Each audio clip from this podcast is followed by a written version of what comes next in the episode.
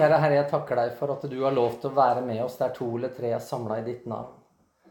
Og jeg ber om at Din Hellige Ånd nå må få lov til å utlede ditt ord inn i våre hjerter, slik bare du kan, og som intet menneske kan klare. For uten deg så kan vi ikke gjøre noen ting, og, og jeg kan ikke gjøre noen ting, Herre. Men jeg ber om at det som blir sagt, er rett og godt, og at du må få lov til å anvende det inn i hver enkelts hjerte, slik bare du kan. Vi legger denne stunda i dine hender. Jesus lærte disiplene å be. Og hvorfor gjorde han det? Vi har altså å gjøre med et folk som har altså ganske lang tradisjon på bønn. Dette var ting som var en naturlig del av den jødiske tradisjonen. Å henvende seg til Gud som til en som var opphøyet, men som var nær. Som en som fortjente ære, men som så til de nedbøyde. Det ser vi i Skriften, i salmene og andre plasser. Det var en naturlig del av deres gudsdyrkelse. Likevel så trengte Jesus altså å undervise sine disipler om bønn. Og grunnen det var dårlig lære og praksis fra de som burde vite bedre. Og det kan vi kjenne oss igjen i i dag.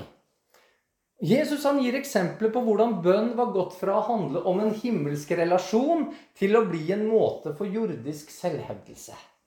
Og Dette gjaldt da ikke bare i form ved at man stilte seg på gatehjørnene hvor flest mulig kunne se hvor from du var, men det handla også om innhold, slik som i lignelsen om tolleren og fariseeren som gikk til tempelet for å be. Og Der igjen så var det altså en egenrettferdighet og en forakt for andre mennesker som Jesus kritiserte. Det var blitt lange, innøvde setninger og tomme repetisjoner og slik sett så er det litt ironisk at eh, mange har gjort Fader vår til en bønn som ordrett bare blir sitert, og som for mange nettopp har blitt en tom repetisjon av innøvde ord. Mer enn å lære oss en ordrett bønn, så lærer Jesus sine disipler en måte å be på, en form. En, en, måte der du og jeg kan få lov til å bruke våre egne ord. Komme med våre egne liv. Der det å grunne på bønnens deler er åpenbart viktig. Å grunne på Jesu ord i den forstand, fordi den skal minne oss om bestemte og viktige ting som kan være med å hjelpe oss når vi taler med Gud. Og Jesus han synes å ha hatt en vane med å stå tidlig opp for å be, slik vi kan lese om i Markus 1,35 f.eks. Der står det 'tidlig om morgenen'. Og da er det sannsynligvis akkurat idet sola er på vei til å komme opp. Mens det ennå var ganske mørkt, så da skjønner vi det, sto han, opp, sto han opp og gikk ut. Han dro bort til et øde sted og ba der.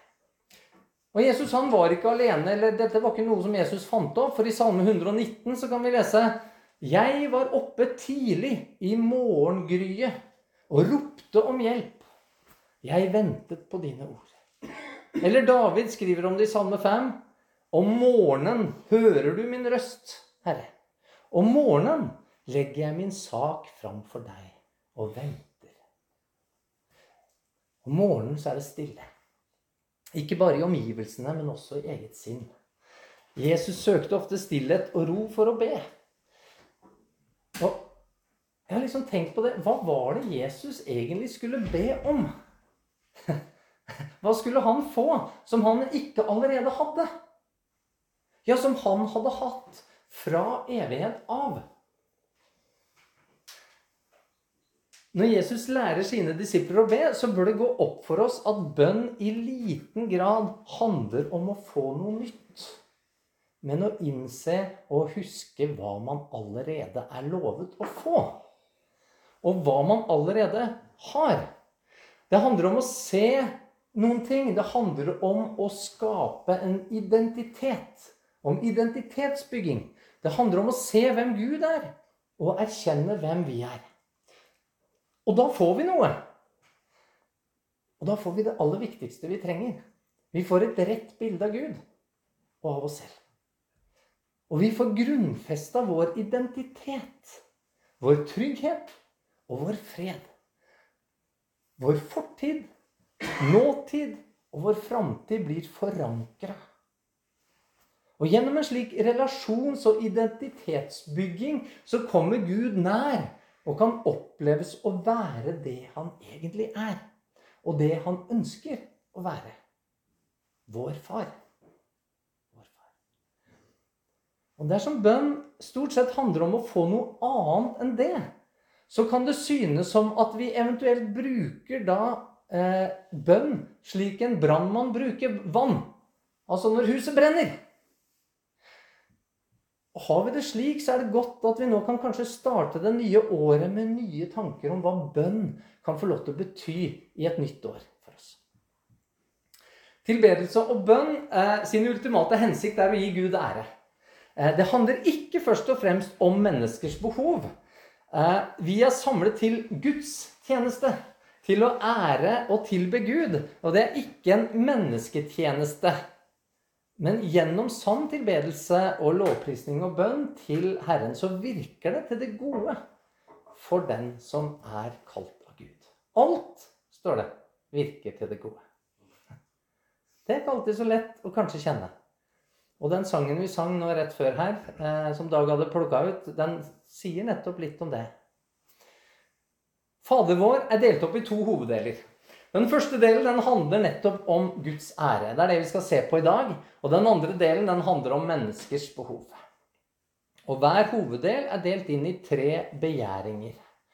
Og De tre første det handler om Guds navn, hans kongedømme og hans vilje. Guds navn, hans kongedømme og hans vilje.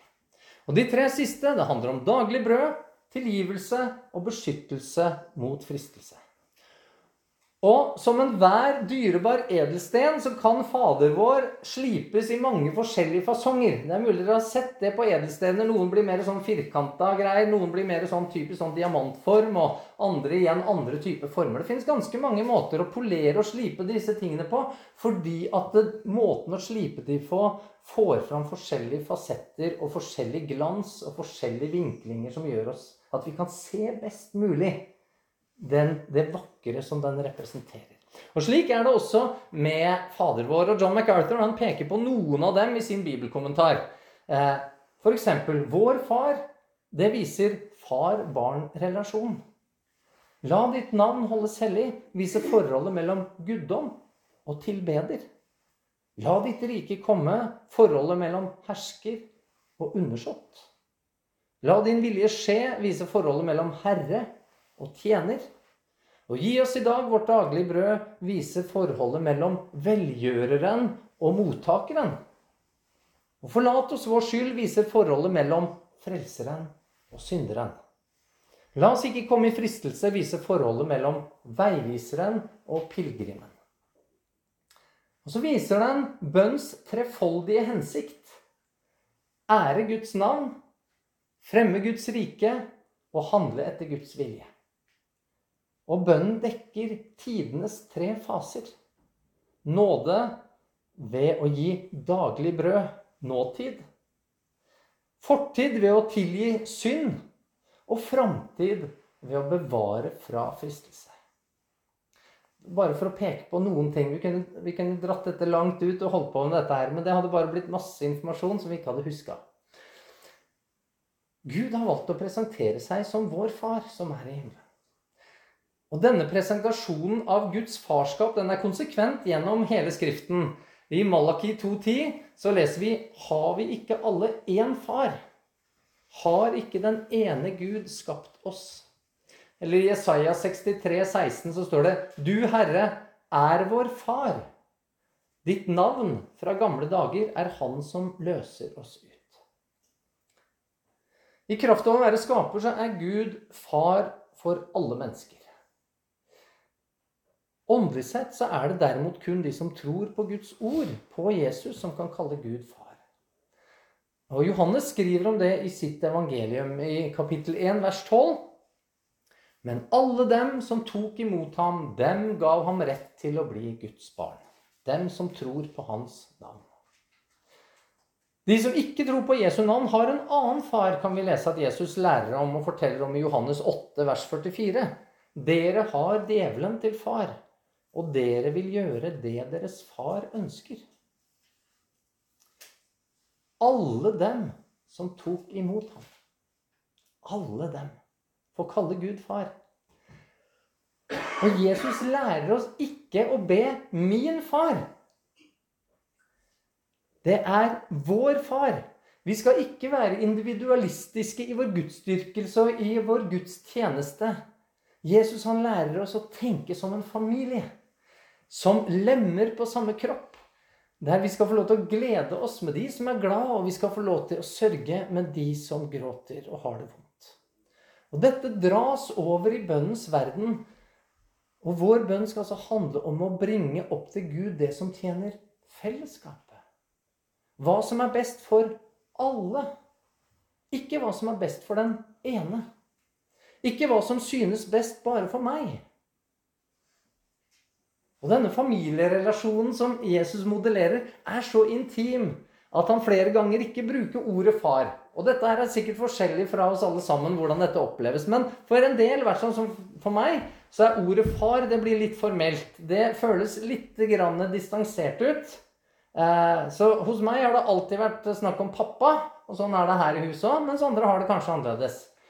Men i hvert fall så bruker altså Jesus flere ganger dette nære, relasjonelle ordet 'Abba', eller 'pappa'. Eh, som er mye mer dette barn, eller lite barn, kan man si, farforholdet, enn en far som på en måte du også kan kalle din pappa når du har blitt voksen. Og jeg vet ikke hvilke forhold du har til din far. Eh, jeg har hatt en god far. Jeg har hatt en veldig god far.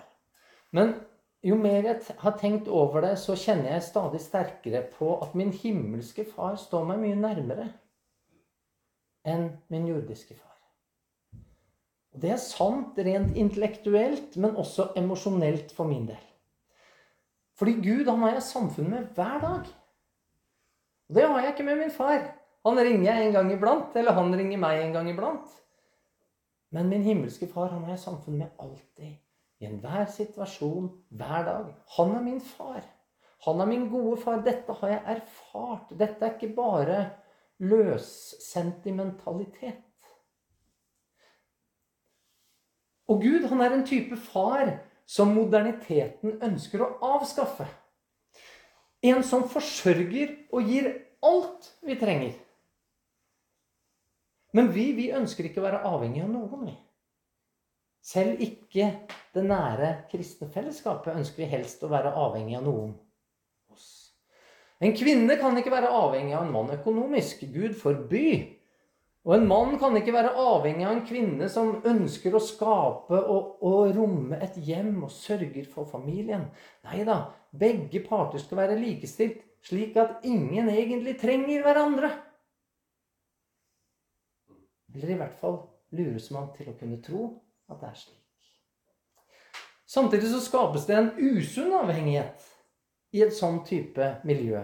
En avhengighet til staten, der staten blir Gud. Og det synes det ut som at de fleste tenker er helt ok i vårt samfunn.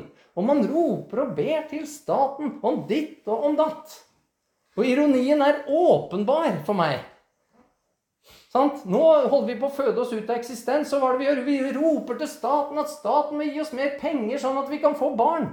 Hallo! Barn er en gave fra Gud. Alt er en gave fra Gud. Selve livet. Ja, sola som står opp, og regnet som kommer selv en dag vi ikke er så veldig fornøyd med at det kom, og vi heller skulle ønske at det kom som snø. Gud som far ønsker fellesskap innad i hele familien. At vi elsker vår neste som oss selv, og at vi har tanker om, vår neste er, om at vår neste er viktigere og mer betydningsfull enn oss selv. Enn meg. Alle her er viktigere enn meg. Moderniteten den er derimot individualistisk.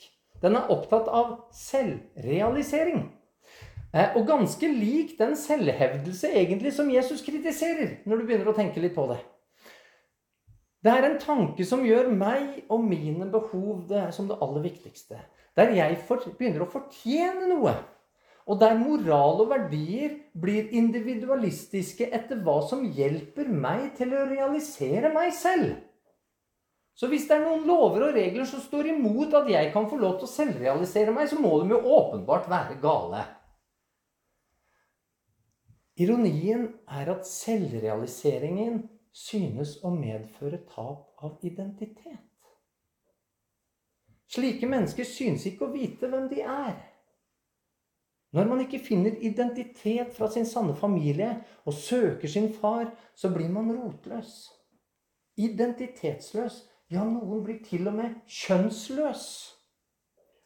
Jeg leste om en, en mann nå som hadde vært sammen med en kvinne i ti år. Og så hadde det blitt slutt, og han følte seg så knust, og han hadde mista hele sin identitet, sa han. Fordi han holdt seg ikke innenfor de rammer som Gud hadde gitt for at livet skulle være godt å leve. Og Med en gang han begynte å fjerne seg fra Gud sine rammer, så begynte han å oppleve tap av identitet. Gud er en far som oppdrar, som har gode rammer og regler, evigvarende bud og ikke minst løfter. Han er en som tukter, og som straffer med fullkommen rettferdighet og alltid med sine barns beste i tankene. Og moderniteten vil avskaffe en slik farsrolle. Avskaffe rammer og regler. Tukt og straff det blir sett ned på. Og det er kanskje ikke så rart, for i ordspråkene 28.5 så står det Onde mennesker skjønner ikke det som er rett. Og I engelske oversettelser står det istedenfor ordet 'rett', så, så, står det 'de forstår ikke justis'. De forstår ikke rettferdighet. De forstår ikke dom. Og da begynner dere kanskje å få et lite innblikk av hva dette prøver å vise oss. Mennesker som slutter å få sin identitet fra sin himmelske far, vil hevde at de er gode. Men de er onde fordi deres sanne far er ond. Og de vil ikke lenger skjønne hva som er rett. Men de som søker Herren, skjønner alt, fortsetter verset. Tenk, det står det. De som søker Herren, skjønner alt. Ja, underfullt er det. Gud er en far som hjelper den som faller opp igjen. En som til og med elsker dem som er så langt borte og ikke vil ha noe med han å gjøre, som har banna han like opp i ansiktet og ønska han død. Og han står og speider etter de og lengter etter at de skal komme hjem til ham. At de skal finne sin sanne identitet som hans barn. Det er fars ønske at alle skal bli frelst. Gud som far, han fjerner den frykt for guddom som har gjennomprega menneskeheten og alle andre religioner. Ta en asteker som begynte å drepe mennesker helt til sola kom opp igjen. Sant? Eller ta en innenfor islam som helst gjerne må drepe seg sjøl og en del andre mennesker med hvis han skal være sikra å bli frelst. Det er frykt for en gud som overhodet ikke er far. Om vi skulle bli forlatt av alle andre så har en kristen en far som aldri vil forlate eller forsake. Vi er i familie med alle de som er hans barn. Og ensomhet og egoisme burde ikke ha noen plass iblant oss. Vi bør aldri bekymre oss for mangel på ressurser, for vår far bor i himmelen, og han har hele den himmelske ressurspool tilgjengelig for enhver som kaller på ham. Og Som kristen så plikter det å være lydig mot sin far. Fordi han er far. Men du gjør det i kjærlighet fordi han er en god far. Og denne lydigheten den kommer raskt i fokus når vi fortsetter å be La ditt navn holdes hellig. La navnet helliges. Hvorfor ber vi slik? Når Moses gikk opp på Sinai den andre gangen, så står det at Gud sto ved siden av Moses og ropte ut Javes navn. Ropte han da bare ut 'Jave! Jave!' Nei, han gjorde ikke det. Vi kan lese litt om dette her i, i, i eh, Mosebøkene. Og nå har jeg faktisk glemt den referansen i min egen tekst her, så det får vi slå opp den som vil etterpå. Men der står det 'Jave, Jave' er en barmhjertig og nådig Gud. Langmodig og rik på nåde og sannhet. Han lar miskunn vare gjennom tusen ledd. Han forlater misgjerninger og overtredelser og synd. Men han lar ikke den skyldige være ustraffet. Han hjemsøker fedres misgjerning på barn og på barnebarn inntil tredje og fjerde ledd. Navnet representerer noe. Og vi har faktisk allerede sett på det. Men jeg tror kanskje ikke at du la merke til det verken fra Jesaja eller fra Johannes når jeg leste det i stad. Så derfor så la meg repetere. Jesaja skriver Ditt navn fra gamle dager er Han som løser oss ut. Guds navn er hans karakter. Det er hans holdninger og hans handlinger. Hans navn definerer hvem han er. Hans navn er Han som løser oss ut. Fantastisk Messias-frampek der i Jesaja om utløseren. Og Vi kan lese om Boas for å skjønne hva det i praksis er. Så skriver Johannes Dem gav ham rett til å bli Guds barn. Dem som tror på hans navn. Den som tror på hans navn, den som tror på Jesu navn, tror på hva navnet betyr frelser. Immanuel, Gud med oss. Jesus var Gud. Menneskesønnen, at han var et menneske. Ordet, for han er Guds ord, som vi finner i hele Bibelen.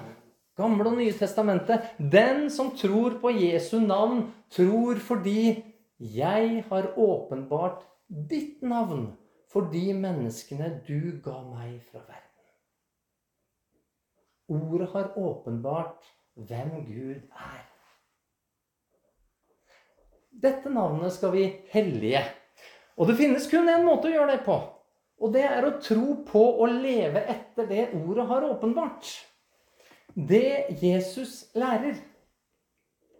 Og ordet presenterer altså da f.eks. Gud som vår far. Og da er det merkelig å lese i uken som gikk, om domprosten i Tromsø, Stig Legdne, som sier sitat Jeg sier aldri at Gud er Han. I hans prekener er ikke Gud en mann. Det skal visstnok begrense Gud, ifølge denne prosten, da. Begrensa det Jesus at han kom til jorden som en mann? En skulle jo tro at det måtte innebære en enda større begrensning enn at Gud presenterer seg som far. Likevel forteller altså Bibelen oss at mannen Jesus har vist oss fullkomment hvem Gud er. Det må det være umulig for en slik prest å tro på. Og Jesus kunne umulig vise Guds fullkommenhet, så begrenset som han må ha vært, både som menneske først og fremst, og deretter som mann. Tenk, en mann! Det er jo, altså det er jo det er roten til alt ondt i, i, i, vår tid, da. Spesielt hvis du er hvit i huden nå. Da er det krise. Eh, så det er åpenbart at eh, en, en, mann kan jo ikke vise perfekt hvem Gud er, i hvert fall ifølge denne prosten. Jo da, fordi Gud er større enn kjønn og pronomen sier da domprosten. En slik prest kan da heller ikke kalle Gud far. Og samtidig så er det altså veldig viktig for presten å bekrefte sin datters ønske om å bli kalt hen. Men han synes ikke ha noe behov for å bekrefte Guds ønske om å bli tiltalt som han. Og dette er jo ikke bare litt ironisk, men nærmest komisk på veldig mange områder. Og det viser en total kollaps av sammenheng og forståelse. Kollaps av logikk. Ja, det viser et udugelig sinn i aksjon. Åpenbart for verden, på NRK i dette tilfellet. Og at en slik prest har en datter som gjennomlever en stor identitetskrise og ønsker å kalle Gud for mamma. Det blir ingen overraskelse.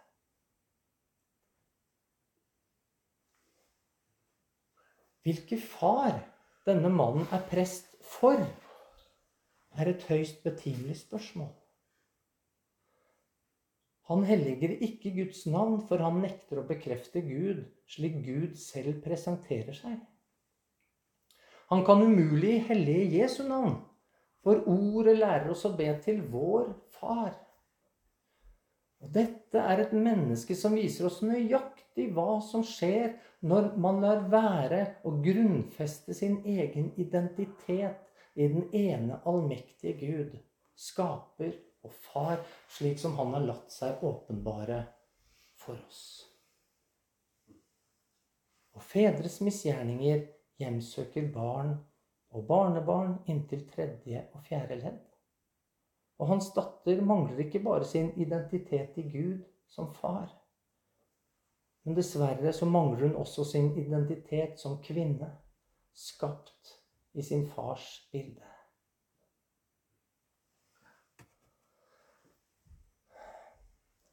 Å hellige Guds navn, det er botemiddelet mot en type sentimentalitet som tanken om Gud som pappa, mamma eller hyggelig bestefar kan inspirere hos noen mennesker.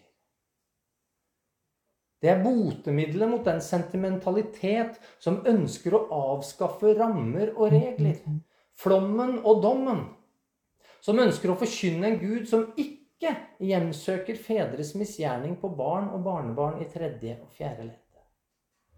Å forkynne en Gud som lærer annerledes enn hans lov og bud vitner om eller handler annerledes enn det ordet vitner om opprinnelsen, oppofrelsen, oppstandelsen, opprykkelsen og oppfyllelsen, er å misbruke Guds navn.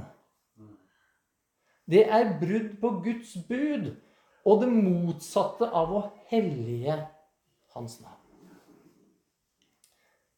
Kristne skal istedenfor samstemme med David når han skriver i Salme 34, vers 4.: Pris Herrens storhet med meg, og la oss sammen opphøye Hans navn.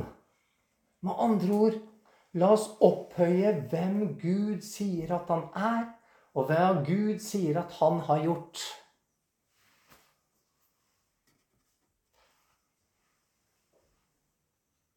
Den som taler, skal se til at han taler som Guds ord.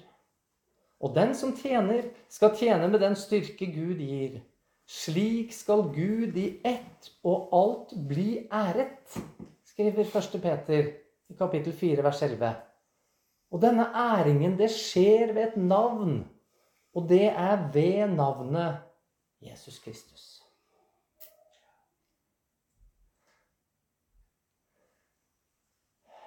La ditt rike komme, lærer Jesus også be. Men jeg trodde jo det allerede var kommet.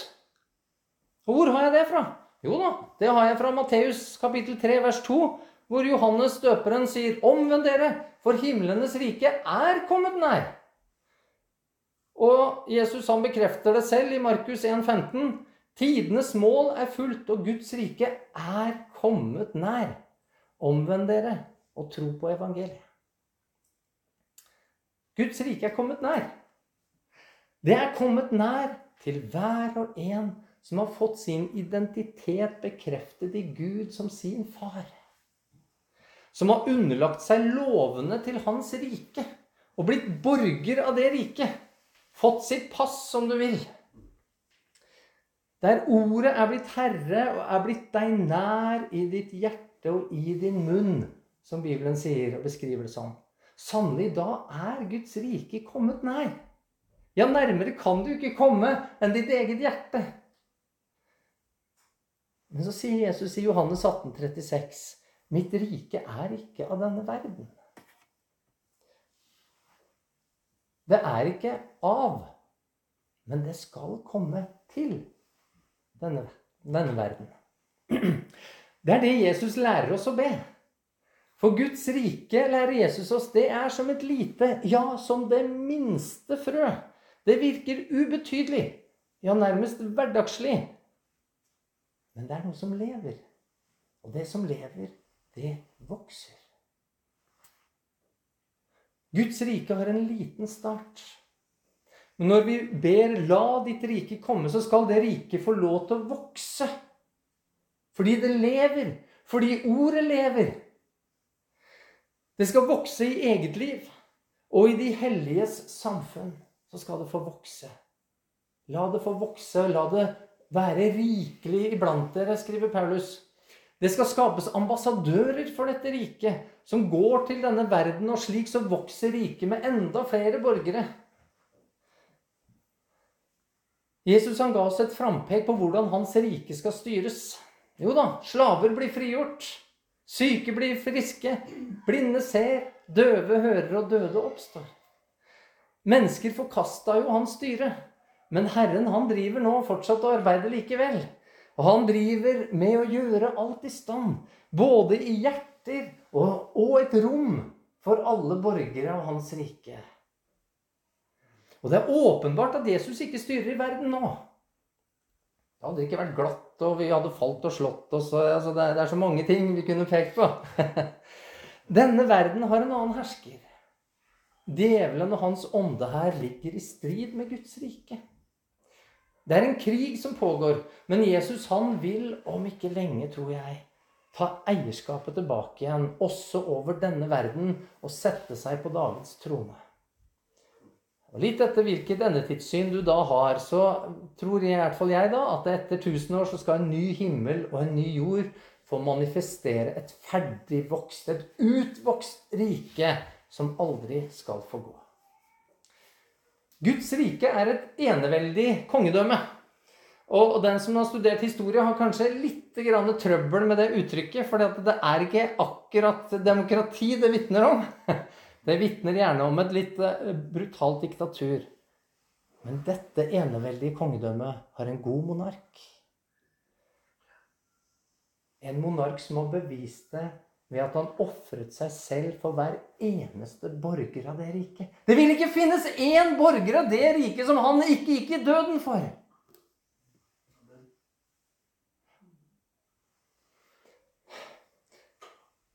Beviset på at du virkelig ønsker at hans rike skal komme, er at du av hjertet ønsker og ber om at hans vilje må skje på jorden, slik den skjer i himmelen.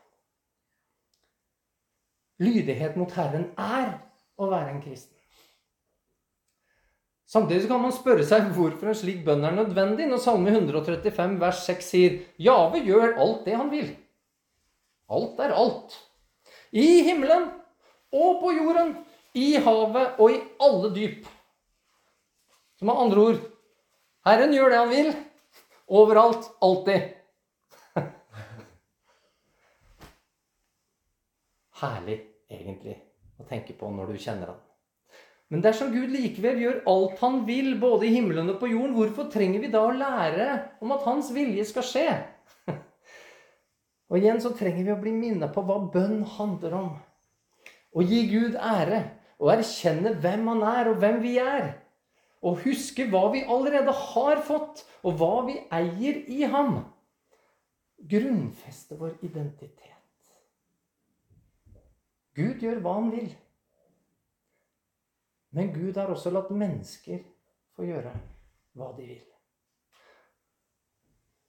La din vilje skje handler derfor ikke om at Gud trenger noen hjelp fra oss for å gjennomføre sin vilje. Men vi er syndere, og vi trenger hjelp for å la Guds vilje skje i oss og ved oss.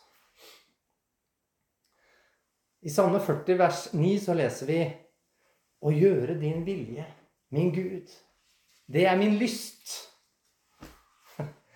For at vi skal ønske å gjøre Guds vilje slik at Hans vilje skal skje på jorden som i himmelen, så må Hans ord leve i oss. Vi kan kun gjøre Guds vilje fordi, som salmen fortsetter, din lov er i mitt hjerte. Fordi vi har gitt Han rett i det han sier, er rett. Og vi har gitt han rett i det han sier, er galt. Fordi det får lov til å leve i oss og virke i oss. Det å gi Gud rett, det, det kommer ikke av seg selv. For som Salme 143 vers 10 sier, lær meg å gjøre din vilje. For du er min Gud.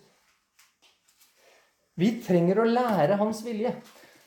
Da trenger vi fellesskap med Han.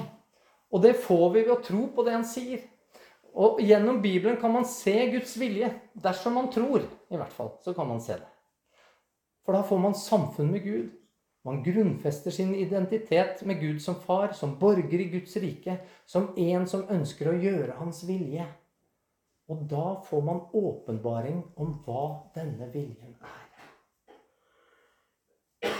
Men hvis du ikke er grunnfesta i denne identiteten, så kan du kunne Bibelen utenat. Og du vil være helt blind for hva som er Guds vilje. Og Guds vilje, den er sentrert rundt en plan om å herliggjøre sitt navn. Og det gjør han ved å frelse det som er fortapt. Og I Jesaja 53 leser vi om Guds vilje. Det var Herrens vilje å knuse ham med sykdom. Når hans liv er gitt som skyldoffer, skal han se etterkommere og leve lenge. Det er tidenes underdrivelse. Evig er ganske lenge. Ved Hans hånd skal det lykkes, det Herren vil. Og Denne profetien den fikk sin oppfyllelse. Det skjedde som et resultat at det var én som levde nært sin far. Som ba til han tidlig på morgenen som helliget Guds navn. Og i Johannes 17, 17,4 så sier han, 'Jeg har herliggjort deg på jorden idet jeg har fullført den gjerning som du har gitt meg å gjøre.' En som lot Guds rike få lov til å komme og vokse fra det aller minste, fra det laveste, fra stallen med dyr og møkk og gjetere på marken. Av fattigfolk en som lærte oss å be 'La din vilje skje', og selv levde slik og ba 'Far, er det mulig, så la dette begeret gå meg forbi, men ikke som jeg vil, bare som du vil'. Ved at denne mannen, Jesus Kristus, hadde sin identitet knyttet til sin far, helliget Guds navn og lot hans vilje skje, spredte hans rike, lot det vokse, så ender det i herlighet. Nå, sier Jesus, herliggjør du meg, far. Hos deg selv, med den herlighet jeg hadde hos deg før verden ble til. Hva skulle Jesus be om? Han hadde alt. Men det virkelig herlige, det er at dette vil skje med alle de som lar Gud få lov til å være herre, og som lever i Guds ord, og dermed lever i bønnen Fader vår.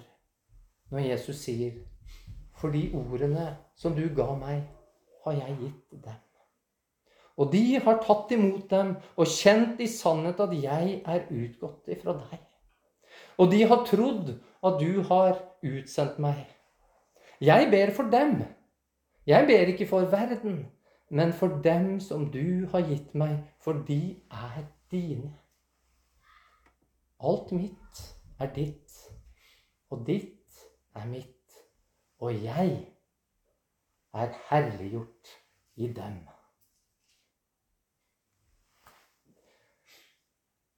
Og Jesus, vi takker deg.